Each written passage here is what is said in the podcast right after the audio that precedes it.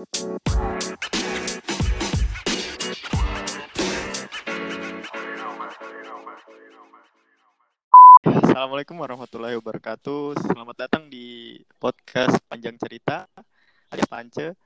Uh, di sini kita akan uh, menceritakan tentang ke, ke kejadian sehari-hari kita, pengalaman sehari-hari kita, mungkin mengobroli tentang topik-topik yang hangat di dunia maya. Uh, di sini ada gua Fatur dan teman-teman gua.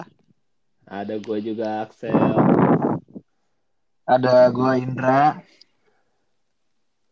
Oke, uh, jadi kita mulai dari gimana kita bertiga ini bisa kenal kali ya. Cakep. Yo, lanjut. uh, kita pertama kali kenal itu di uh, di Perth di Australia, Australia Barat. Uh, jadi Yoi. kita biasanya main bola tuh kalau anak-anak Perth, anak-anak yang sekolah di Perth khususnya pasti bakalan tahu nama lapangannya lapangan bola Kent Street jadi biasanya kita main bola bersama mahasiswa-mahasiswa S2 dan S3 sih khususnya. Emang tapi kayaknya sekarang udah nggak ada deh tuh. Soalnya uh, udah nggak di Kent Street lagi sekarang mainnya. Jadi gua sih kayaknya kurang tahu ya. Cuman kayaknya anak sekarang tuh di daerahnya di uh, University of Western Australia. Jadi seringnya tuh sekarang udah pindah tuh dari yang dulunya di Kent Street. Sekarang tuh uh, udah pada pindah. Mungkin karena di kampus Kertin kan ada oh, iya, iya. City itu udah pada jarang nih mahasiswa S2 S3-nya. Jadi sekarang tuh pindah uh, main bolanya tuh karena lebih banyak mahasiswa di Universitas Western Australia jadi pindah ke sana. Hmm. Tapi sama sih kayak cuman ganti hari juga. Jadi biasanya di Kansas Street dulu kita hari Minggu. Terus uh, sekarang tuh uh, sebelum pandemi ini ya itu uh, hari Sabtu mainnya pagi juga. Nah, apa namanya kalau gue sih yang gue inget dulu tuh pas pertama di Street tuh gue diajak sama jadi kan gue dulu di apa namanya eh, diajak sama teman kerja gue itu si Mas Supri itu dulu dia, dia ada hmm. di ada uh, restoran bintang cafe gue kerja di situ. Gue diajakin lo main bola nggak? kata Mas Supri gitu. Gue bilang iya main mas. Gue bilang gitu. Terus udah gue cari satu bola terus itu diajak gue gue dijemput dari rumah diajak ke Ken Street gue main pas pertama lihat dulu tuh oh iya. Kayaknya kalau Axel Axel gue masih belum uh, eh, gue lupa antara Axel ada. Kayaknya ada kayak sih cuma ada tapi deh pas pertama main deh. Kayak gue inget banget tahun berapa ya? 2000 2015 ya? 16 lah kalau nggak salah. Gila, gue inget banget dah kayak gue pas pertama kali main tuh kayak masih ya berbeda lah ada kayak sekarang lah. Kayak lu masih polos tapi Tapi kayaknya lu diajak Faisal dah. Iya, iya. Jadi gue gue benar-benar baru banget sih. Gue pindah part juga baru-baru itu. Terus uh, pertama kenal emang dari ada nih bocah namanya Faisal. Terus katanya eh ayo main yuk main bola bareng tuh di Ken Street ada anak-anak katanya S2 bapak-bapak S3 juga pada main bareng gitu terus ya udah kayak akhirnya ya ketemu kalian juga di sono lah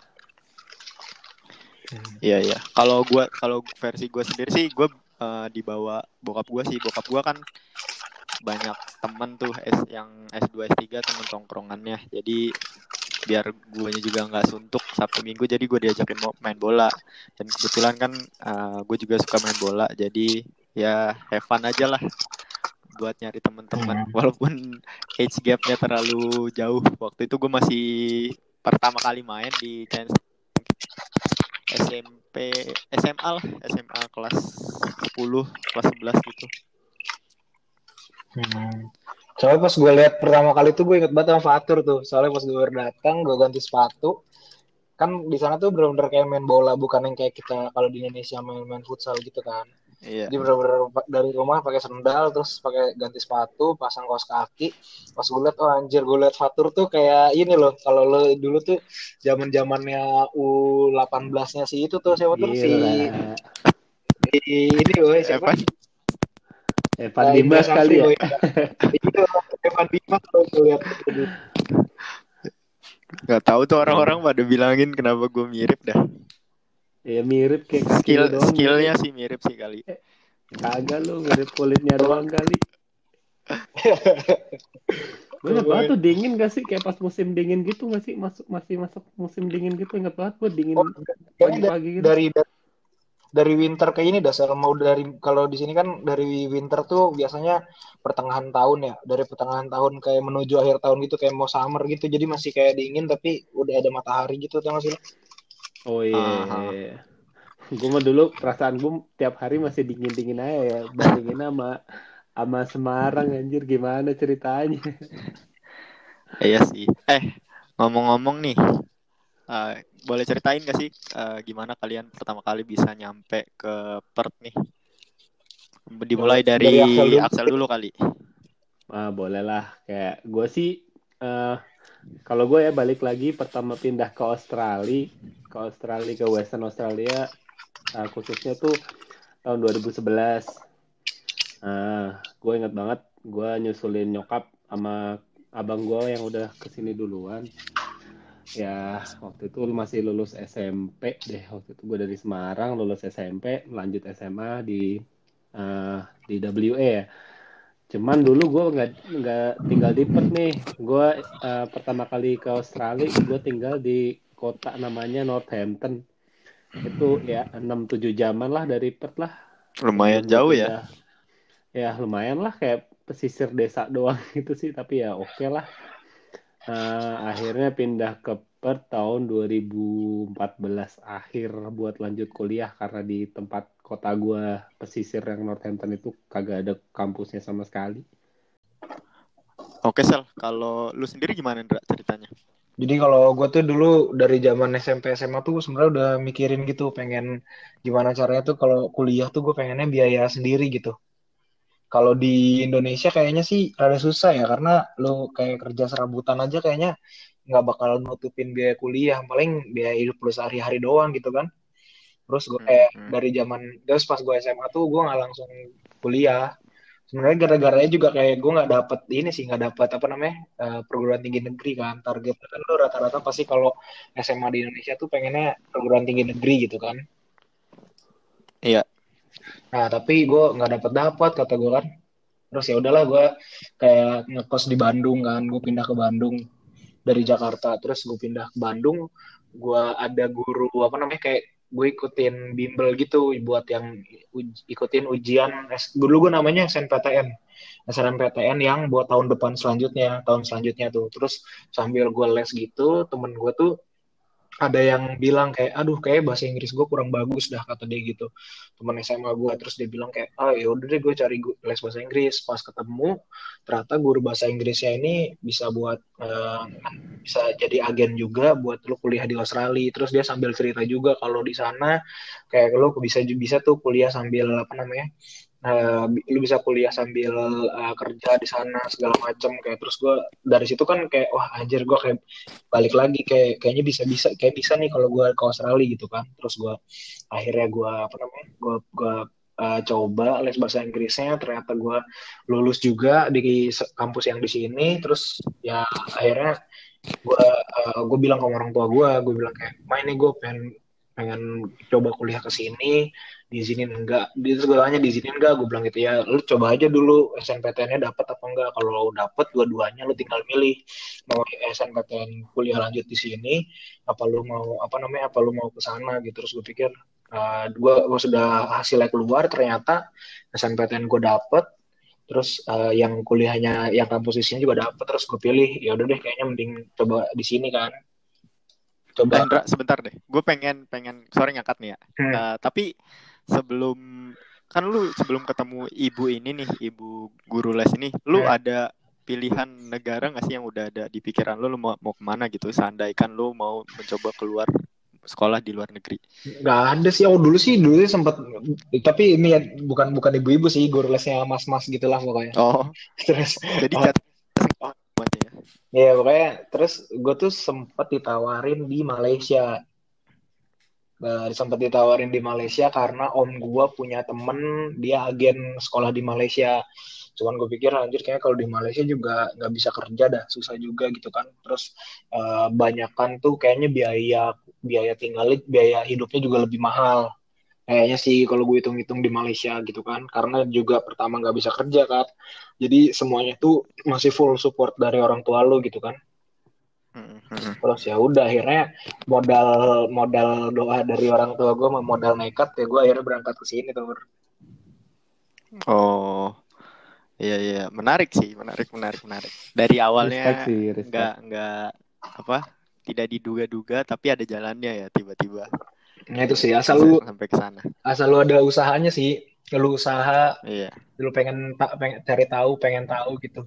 Pasti ada aja jalannya. Lu dulu sempat tes IELTS juga gak sih pas pertama kali datang ke sini ke sana?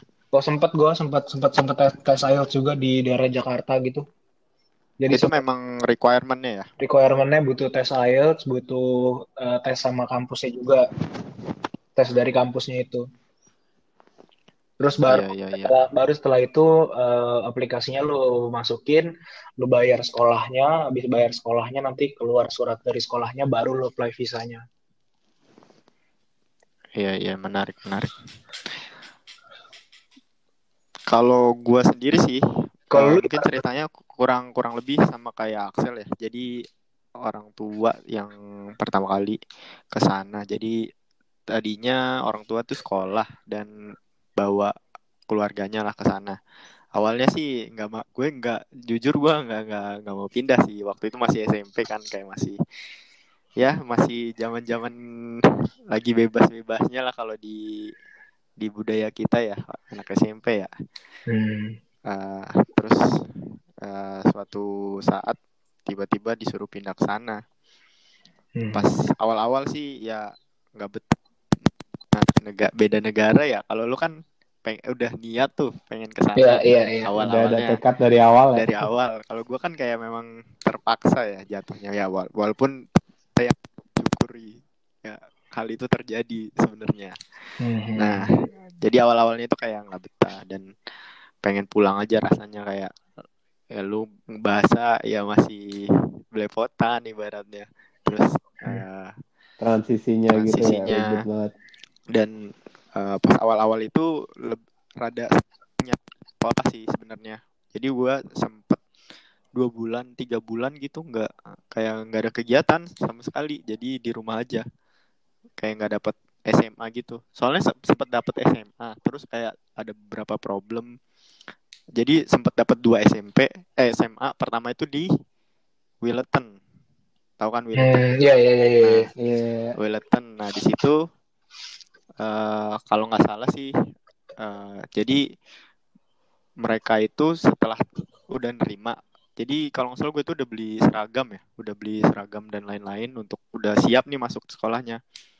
Nah uh, pas mereka tahu kalau kalau keluarga lu tuh sekolah di sana sebagai dokter itu kalau nggak salah kan muridnya dapat uh, biaya sekolahnya itu jadi dihitungnya lokal ya bukan internasional. Lebih murah lebih gitu. Nah, karena tiba-tiba mereka tahu gitu kalau nggak salah, terus mereka kayak ngerekomendasiin, oh uh, kayaknya kalian eh kayaknya nih murid harus belajar dulu nih di sekolah ini belajar bahasa Inggris uh, di sekolah ini. Eh, bukan bukan bukan bukan gitu, sorry sorry. Jadi uh, yang ini udah nerima udah nerima terus gara-gara itu jadi jadi nggak bisa tuh nah terus gue ke sekolah satu lagi ke Melville sel Oh, nah, iya. yang di Melville ini yang uh, yang bilang kalau gue harus ngambil setahun dulu bahasa Inggris. Eh, gue inget banget sih, sorry ya. Melville tuh emang kayak punya uh, apa ya, kayak fasilitas khusus buat international students gitu sih. Jadi mereka punya kayak semacam kelas bahasa Inggris khusus. Kayak kalau nggak salah sih ya namanya kayak ESL atau uh, kita sih English uh. Second Language. Jadi kayak buat program-program murid-murid yang baru banget datang ke Australia itu ngebantu banget emang dan rata-rata murid apa ya yang baru banget datang nih ya ke hmm. Perth Australia kayak pasti bakal ditujuin ke salah satu sekolahnya ya pasti Melville karena mereka sangat bisa memfasilitasi murid-murid baru yang sangat apa ya terlimit dengan bahasa terutama ya. Tapi kayak waktu itu kayak mereka kayak mewajibkan gue ngambil setahun untuk belajar bahasa doang tuh jadi kayak oh oke okay. ah kayaknya wasting time nih kayaknya udahlah nyari yang lain aja nah sejujurnya karena Willeton dan Melville ini ya udah inilah uh, top lah di sana ibaratnya ya nah mm-hmm. jadi kayak ngincarnya yang bagus-bagus dulu nah nah mm. Ken nah Ken akhirnya gue masukin kan itu kayak kayak nggak terkenal banget sih kayak kayak maksudnya nggak bukan yang out there yang tinggi gitu standarnya tapi yeah. Iya, iya. tapi mereka gitu dengan tangan terbuka jadi ya tanpa pikir panjang lagi ya orang tua gue langsung oh ya udahlah di sini aja di Kent Street toh uh, maksudnya ini ntar tergantung anaknya juga kan bukan di mana sekolahnya kan yang penting iya sih hmm.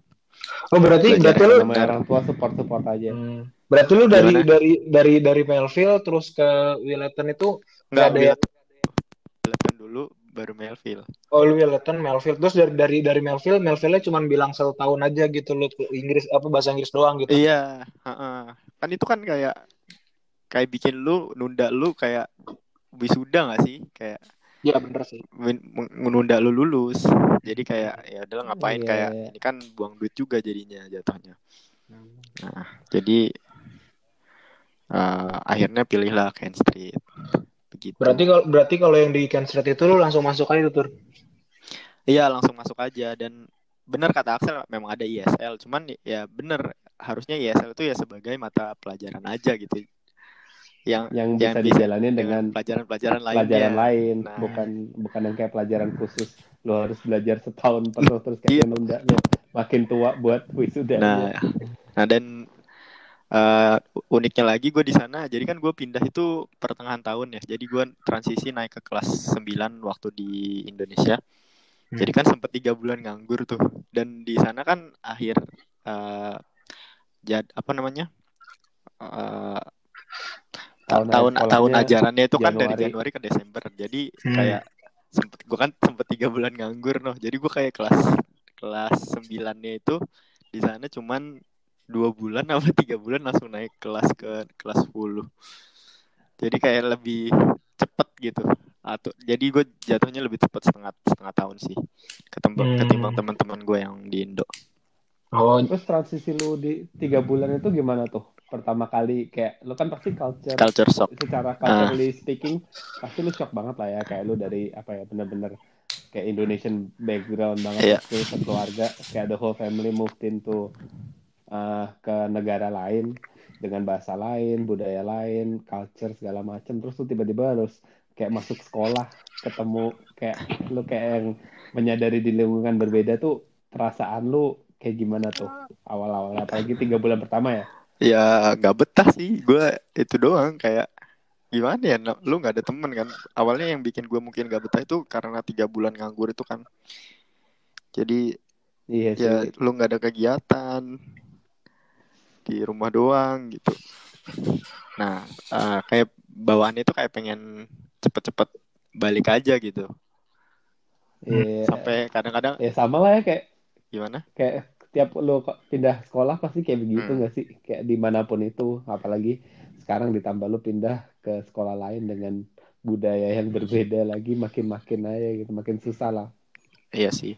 Tapi kalau kalian sendiri uh, gimana cara me, apa ya bikin kalian betah di negara yang baru ini? Dengan gimana belajar bahasanya apa? Uh, belajar secara otodidak atau gimana selama di di sana kalau gue sih ya dulu awal sih karena gue udah lulus SMP ya pas pindah dari uh, Indo masuk sini kan harusnya tuh uh, year 10 ya kelas 1 SMA kan. Huh.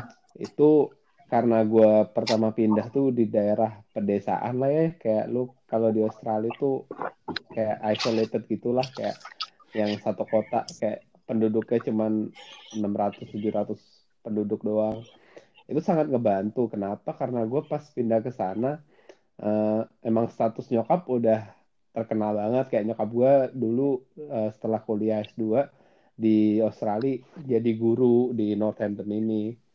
Hmm. jadi pas gue masuk sekolah uh, nyokap gue adalah salah satu guru di sekolah itu. Jadi kayak uh, jadi gimana ya keberadaan nyokap tuh sangat ngebantu lah kayak dalam gue transisi. Ya dalam segala hal sih lebihnya kayak cara gue menerima culture-nya dengan lebih kayak gimana ya respectfully in a way. Hmm. jadi itu kalau buat pengalaman gue pribadi sih sangat ngebantu sih keberadaan nyokap dan support keluarga ya terutama dalam ngatasi semua. Kan lu pasti shock banget kayak lu bakal nggak kenal siapa-siapa. Kayak dan lu aja kayak bahasanya apalagi sih struggling banget lah jujur aja kita bertiga pasti pertama pindah kayak eh nih si otong ngomong apa anda kayak lu iya kayak lu cuman kayak yes sir yes sir doang kayak gitu doang kan tapi apa ya, itu sih kalau nyokap lu bantuin bantuin naikin nilai juga berarti? Wah ya tidak enggak gitu kayak. Kalau di Australia emang lebih uh, disiplin ya kayak maksudnya lu nggak bisa asal gimana ya kayak nggak kayak di Indo lah kayak lebih uh, lebih ketat aja lah hmm. bahasanya kayak. Cuman ya nyokap ngebantu lebih di dari sisi apa ya kayak uh, melalui emotional support in a way. Jadi tiap kali gue apa nggak uh, ngerti something tuh pasti gue bakal selalu tahu kalau ada nyokap gue yang bisa ngebantu gitu loh. Yes. Ya peran orang tua ya pasti iya. banget tuh harus.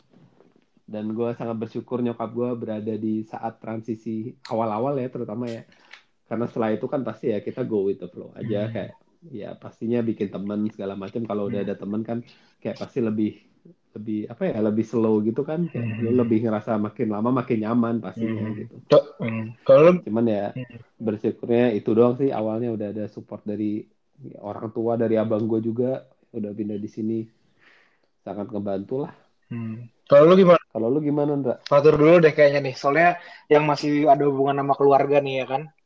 Kalau gue kan oh, iya, iya. ntar bakal beda sendiri nih ceritanya ya enggak? Gimana tuh? Ngomongin apa sih tadi? Masih ini ya, keluar. peran orang tua lu. Oh, peran orang tua. Iya. Kalau peran orang tua sih menurut gue sangat krusial ya, penting banget untuk apa? Mas perkembangan dan uh, masa depan dari anaknya tersebut ya.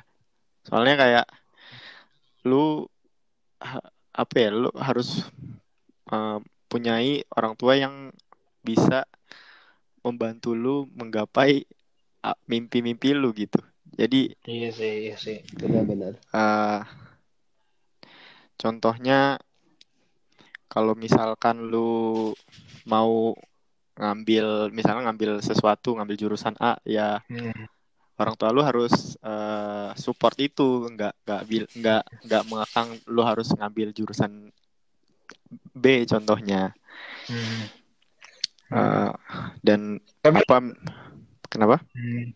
tapi lu pas pas di pas di pindah pas di pas pindah ke Kansas itu tuh ada kayak ini gak sih kayak pas lu uh, kan dari dari SMP di Indonesia nih terus dari terus pindah SMA di sana terus tahu sendiri kan kalau di Australia kan orang ya namanya anak-anak SMA kan apa high school kita bilangnya di sini kayak mereka bebas-bebas aja gitu. Terus lu ada ini gak sih ada lu pernah kayak dibully atau apa gitu gak sih karena oh. pindahan dari Indonesia gitu.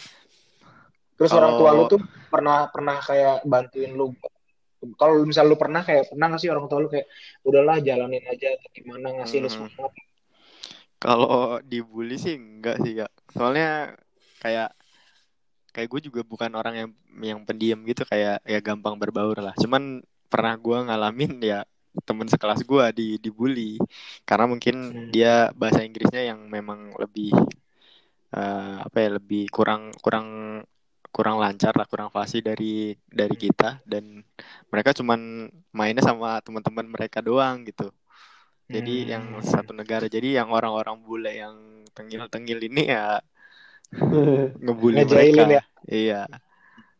Kayak ngejailinnya itu kadang-kadang wah gila ya dan nih orang-orang kayak ya sadis-sadis gitu ya ngomongnya. Iya, kayak gitu. sampai nimpuk-nimpukin kertas, sampai pernah uh, suatu saat mereka tuh gedek gitu kayak cuman ditahan sama temennya udah-udah nggak kayak kayak nunjukin kayak itu nggak nggak nggak worth it gitu kalau diajak berantem lah kata dia hmm. Ya cuman kalau misalnya lu jadi dia lah pasti lu juga gedek lah kalau misalnya lu. Iya sih. udah nahan-nahan tuh udah di udah dibully udah lama. Iya sih. Makanya lu jangan makanya buat yang dengerin ya jangan cabut. Uh, kalau pas Inggris itu jangan cabut lu. Kalau kalau sekolah lu gue nggak tahu ke depannya kan siapa tahu lu bahasa Inggris ya kan apalagi di zaman sekarang gitu apa-apa kadang-kadang orang-orang ngomong pakai bahasa Inggris. Kan apalagi kalau tiba-tiba lu dapat rezeki pindah ke luar negeri bahasa Inggris lu nggak bisa dibully orang malahan. Bener sih bener sih. Gue bener nggak pernah nyangka juga kayak ya lah kayak gue masih tengil banget masih SD SMP kayak ya lah bahasa Inggris doang buat apa sih? Kayak gue bakal pindah aja ke luar negeri tapi siapa juga yang nyangka gitu iya. kayak iya rezeki orang kan beda-beda. Mungkin kayak ada yang bisa punya kesempatan apalagi ada support beasiswa atau keluarga kayak eh, biar nggak shock juga. Makanya buat lu pada nih ya yang ngedengerin jangan tengil lah ya kalau emang udah dikasih tahu orang tua buat belajar ini ya respectfully diterima aja. Kayak itu kan toh jadi apa ya jadi ilmu juga buat diri kalian masing-masing dan bisa bermanfaat juga buat ke depannya. Iya, soalnya di ya bahasa Inggris kan international ya, jadi ya walaupun di Indonesia pun bakalan sangat berguna gitu untuk lu di Kepake. untuk karir lu, untuk iya. kerjaan lu ntar di masa depan. Benar, benar, benar. Iya sih. Kalau lu gimana, Ndra? Kalau gua ya untung sih maksudnya jadi karena dari agen yang gue ceritain tadi itu kan ternyata mereka itu orang apa namanya si anak-anak ini nih tinggal di satu rumah yang sama. Jadi untungnya hmm. tuh satu rumah itu tuh isinya dari agen-agen gue yang dari Bandung itu. Public agenda. Wah public agen. Kayak pernah dengar. Tapi berarti sebelum ke sana memang udah kenal sama anak-anaknya ini berarti ya yang serumah Nah, sama jadi beberapa tuh sama yang anak-anak rumah tuh gue udah ada yang pernah kenal, udah ada udah ada yang kenal sih per Alex bareng juga karena kan hmm. di berangkatnya tuh nggak di waktu karena ada beberapa ada yang bareng sama gue, ada yang beda karena kan e, masuk kuliahnya jadwalnya juga beda-beda kan. Nah, jadi uh, pas sebelumnya itu udah ada udah ada yang udah ada yang di apa namanya yang berangkat. Nah, biasanya tradisinya tuh kalau lu udah berangkat, nah apa namanya itu lu kayak kontak-kontakan gitu yang udah berangkat gimana di sana, tinggal di mana. Hmm. Terus ya ya standar sih kayak video callan bareng gitu di di di, di tempat lesnya sama si anak yang udah di sana. Jadi sambil cerita-cerita lah kondisi di sana kayak gimana buat calon-calon yang mau berangkat nih yeah. berbagi pengalaman juga ya. Ini lebih bisa. Ini paham. menarik sih. Kan soalnya kayak kita berdua ya Sel ya. Jadi kan kita kan datangnya sama orang tua nih. Dan lu Dra datangnya sendiri tuh. Terus awal-awal lu nyampe atau sebelum nyampe lu udah dapet tempat tinggal dan uh, udah tahu harus ngapain ketika lu nyampe atau gimana? Oh, ya lebih ke persiapan lu gimana sih kayak overall tuh sebelum lu pindah ke sini dan pas lu menapakkan kaki di sini tuh seperti gimana gitu. Hmm, ya standar sih ya kan pasti kayak lu bagus kayak nyiapin baju apa segala macem buat di sini kan. Terus kayak alat tulis buat nanti kuliah biar gak usah ribet lagi. Yang kayak gitu-gitu sih baju-baju buat gua kuliah buat segala macem udah gue siapin. Terus apalagi ya kemarin tuh kayak singkat gue itu terus ya sama uang juga lah lu juga harus nyiapin uang kan. Gue juga nanya nih sama anak-anak yang di sini katanya itu nanti uh, kalau lu tinggal itu ada uang bond. Jadi uang bond itu uang yang lu kasih kayak deposit nanti kalau lu keluar dari rumah itu lu dapat bakal dapat uang bondnya hmm. kembali. Kalau misalnya enggak ngerakuin apa-apa ya nggak kayak ngecat ngecat ngecat tembok atau ngerusak apa ngerusak apa tuh uang bon lu kayak 100% bakal balik gitu kan. Jadi gue nyiapin uang yeah, yeah. uang pegangan juga segala macem terus akhirnya gue kontak-kontakan sama udah tiket lah tiket juga beli tiket segala macem. Terus habis itu gue kontakan sama temen gue yang di sini ini gue nanya sama dia gue bakal ke sini nih tanggal sekian jam sekian. Terus oh ya ntar gue jemput katanya gitu. Ya udah jemput ya kan udah dijemput sama temen gue dianterin ke rumah. Dianterin ke rumah udah paginya ya akhirnya ketemu sama anak-anak yang lain yang yang gue pernah ketemu di Bandung dulu gue ngobrol gimana di sini kondisinya segala macem. Terus ya udah dari situ sih uh, untungnya kan kalau di sini itu ada peraturan pemerintahnya kalau lu boleh kerja uh, 20 jam uh, maksimal selama seminggu. Jadi gue selama belum masuk kuliah itu kan masih ada waktu saat dua bulan kalau nggak salah yang ingat gue sebelum gue masuk kuliah itu gue cari kerja dulu. Jadi buat uh, buat biaya hidup gue buat apa segala macam. Akhirnya pernah ya kerja di restoran Indonesia juga di sini kan.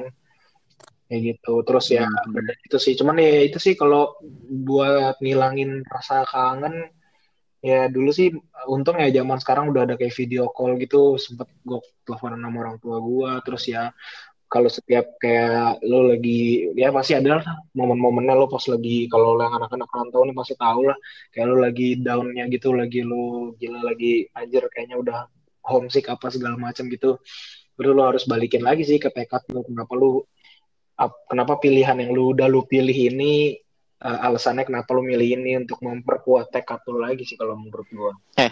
dari situ dan dan yang baik bagusnya juga teman-teman gue juga ya sama-sama saling mensupport lah.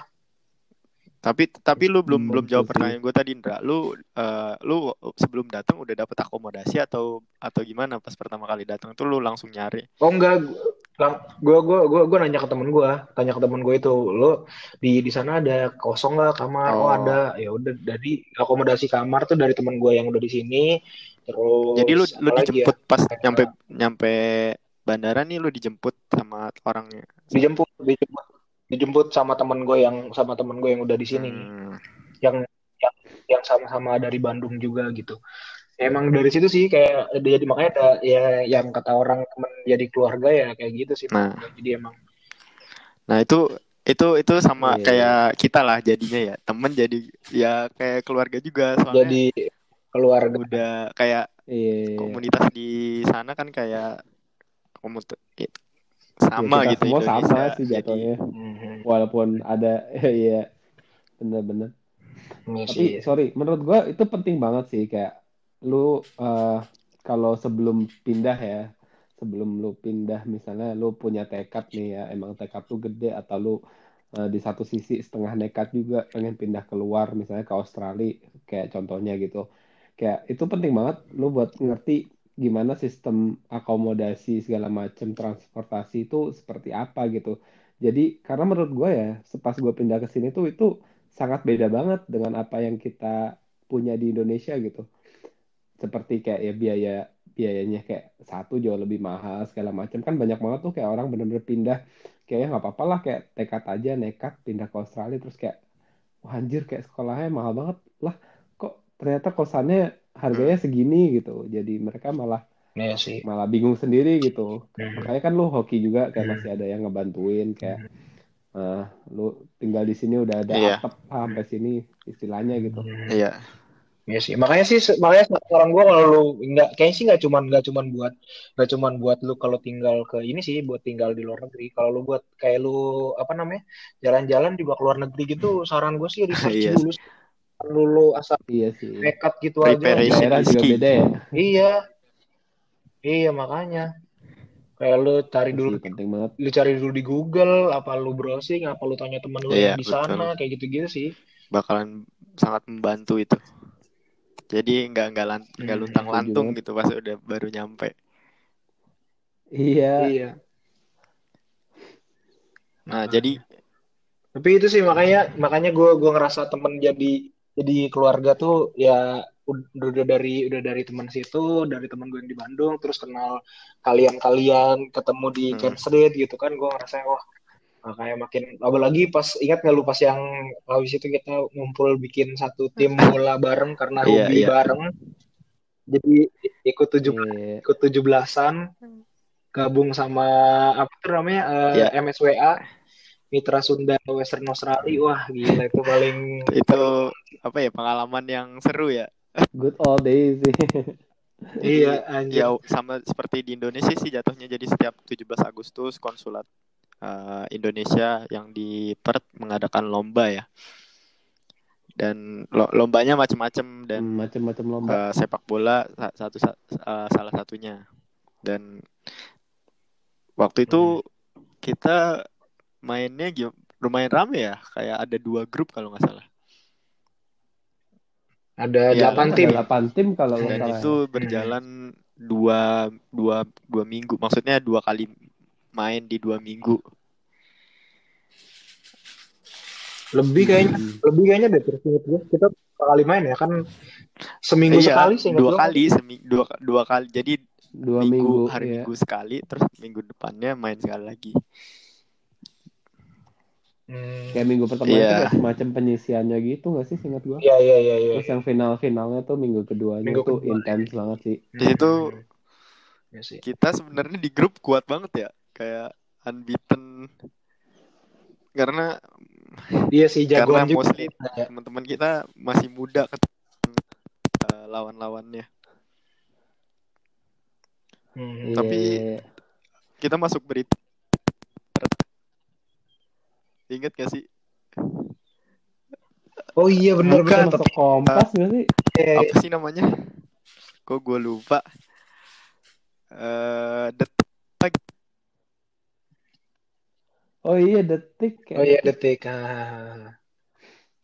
Itu ngaco sih perasaan kayak jujur-jujuran aja sih kita nggak juara tapi karena masih apa muda-muda kita ya paling heboh lah juara nggak juara nomor satu tetap aja paling heboh se acara ya. Mau nggak mau keliput. Hmm. ya rezeki kita juga masuk berita. Hmm. karena yang gue inget tuh yang kayaknya juara satu langsung kayak menang langsung pulang gitu langsung cabut. Makanya dia kayak iya itu kan. sedih banget ya. Mereka kayak kayak nggak hmm. menghargai nggak mengapresiasi apa ya jalannya lomba gitu kayak. Hmm. kita aja nggak juara udah girang banget kayak orang gila. Padahal cuma juara tiga ya Yo, Wah, iya itu epic banget sih tapi sih. Terus lanjut juga ya, sempat uh, main bola bareng juga di oh, iya. Sunday League. Oh iya, iya, itu juga seru sih. Sunday League sih. Kayak ya bahasa Indonesia kasarnya mah main tarkam lah ya. Yo, jadi intinya tuh kayak uh, apa ya? Kita benar-benar disatukan melalui hobi ini sih ya dari bola, futsal lah Iya benar sih. Ke mana-mana jadi bareng. Iya iya. iya. Jadi ketemu teman baru juga sebenarnya banyak banget ketemu teman yeah, baru. Banyak. Ntar kita hmm. lanjutin lah ya di obrolan-obrolan selanjutnya tuh. Kalau mau tahu temennya siapa aja ya kan? Iya. Udah iya. ya kalau bisa dibilang udah hampir kayak keluarga lah ya namanya juga jauh dari keluarga gitu kan. Iya, kita saling melengkapi aja sih di sini anak-anak rantau juga. Mau lu punya orang tua, yang punya orang tua di sini, mereka juga nge-support anak-anak yang kayak kayak lu misalnya Andra kayak hmm. gimana kayak nyokap gua nyokapnya Fatur kayak masih ya kita anggap lu kayak anak anak sendiri gitulah buat kata iya nyokap gua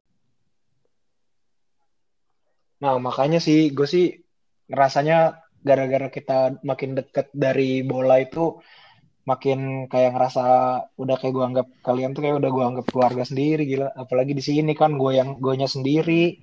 Ya ada sih saudara juga ada sepupu gue di sini. Cuman eh kan kayak nggak seumuran gitu loh ngomongnya juga. Kalau ya ngeba eh, kurang ngasih kurang, aja kurang gitu. nyambung ya?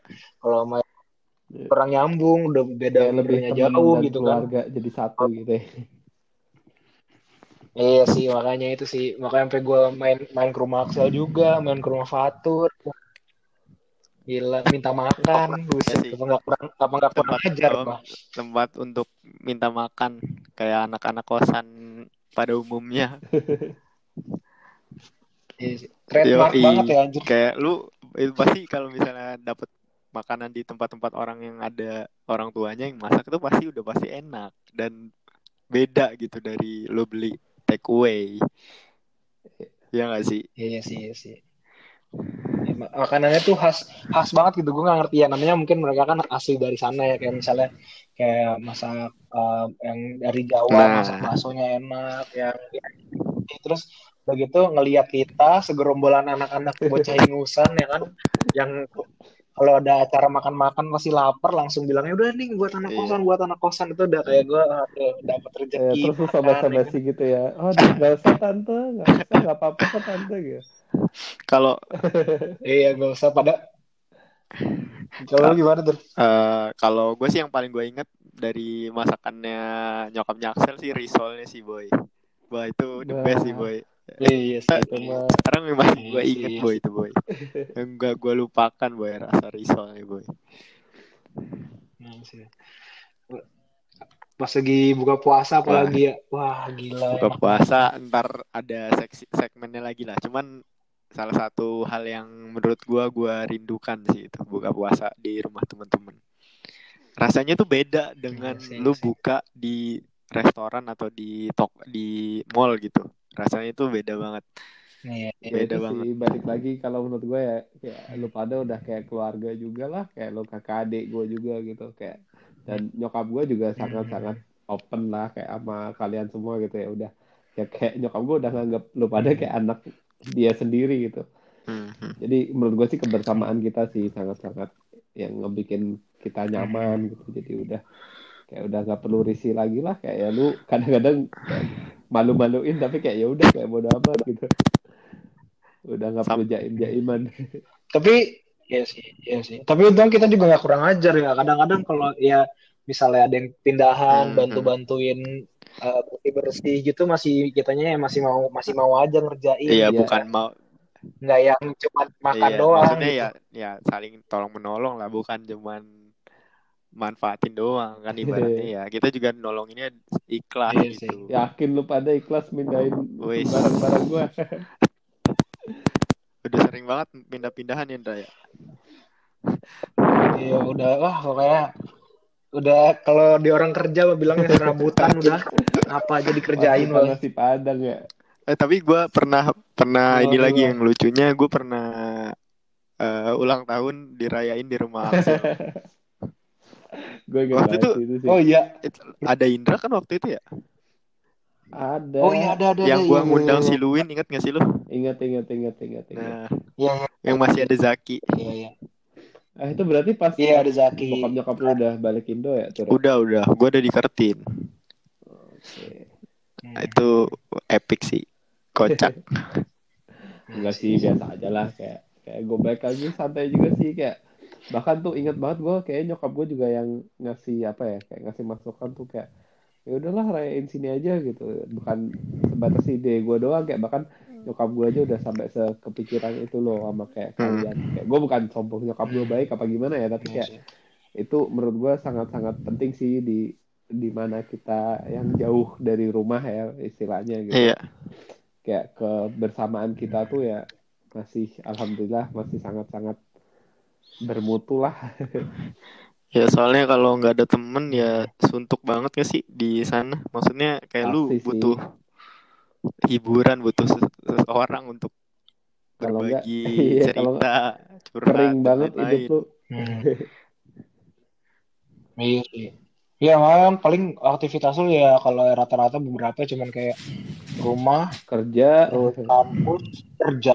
Udah kayak gitu doang iya. kan. Kayak Wah kalau ngumpul sih sering banget ya. Itu sih yang maka ya itu sih. Itu nanti ada ada ceritanya lu mau ada ada dit talk ya.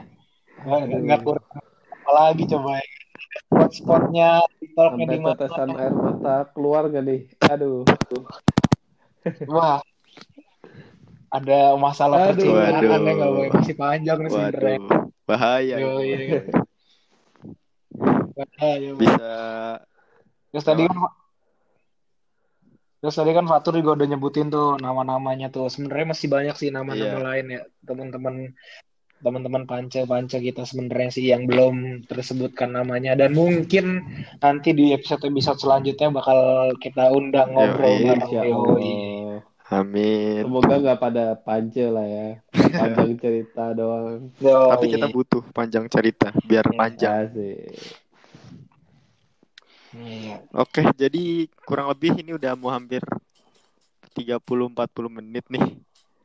Uh, jadi mungkin oh, kita lanjutkan ke seksi berikutnya. Uh, jadi mungkin iya bakalan ada Tunggu. ada uh, apa guest baru yang bisa kita ajak untuk bercerita. Yoi. Biar panjang ceritanya. Yoi. Oke, kita ah, iya. sudahi episode kali ini. Ada yang mau ditambahin? Ah, mending ah, ada sih gitu aja. Oke. Okay. Biar makin panjang. Oke. Oke. Okay. okay. Thank you.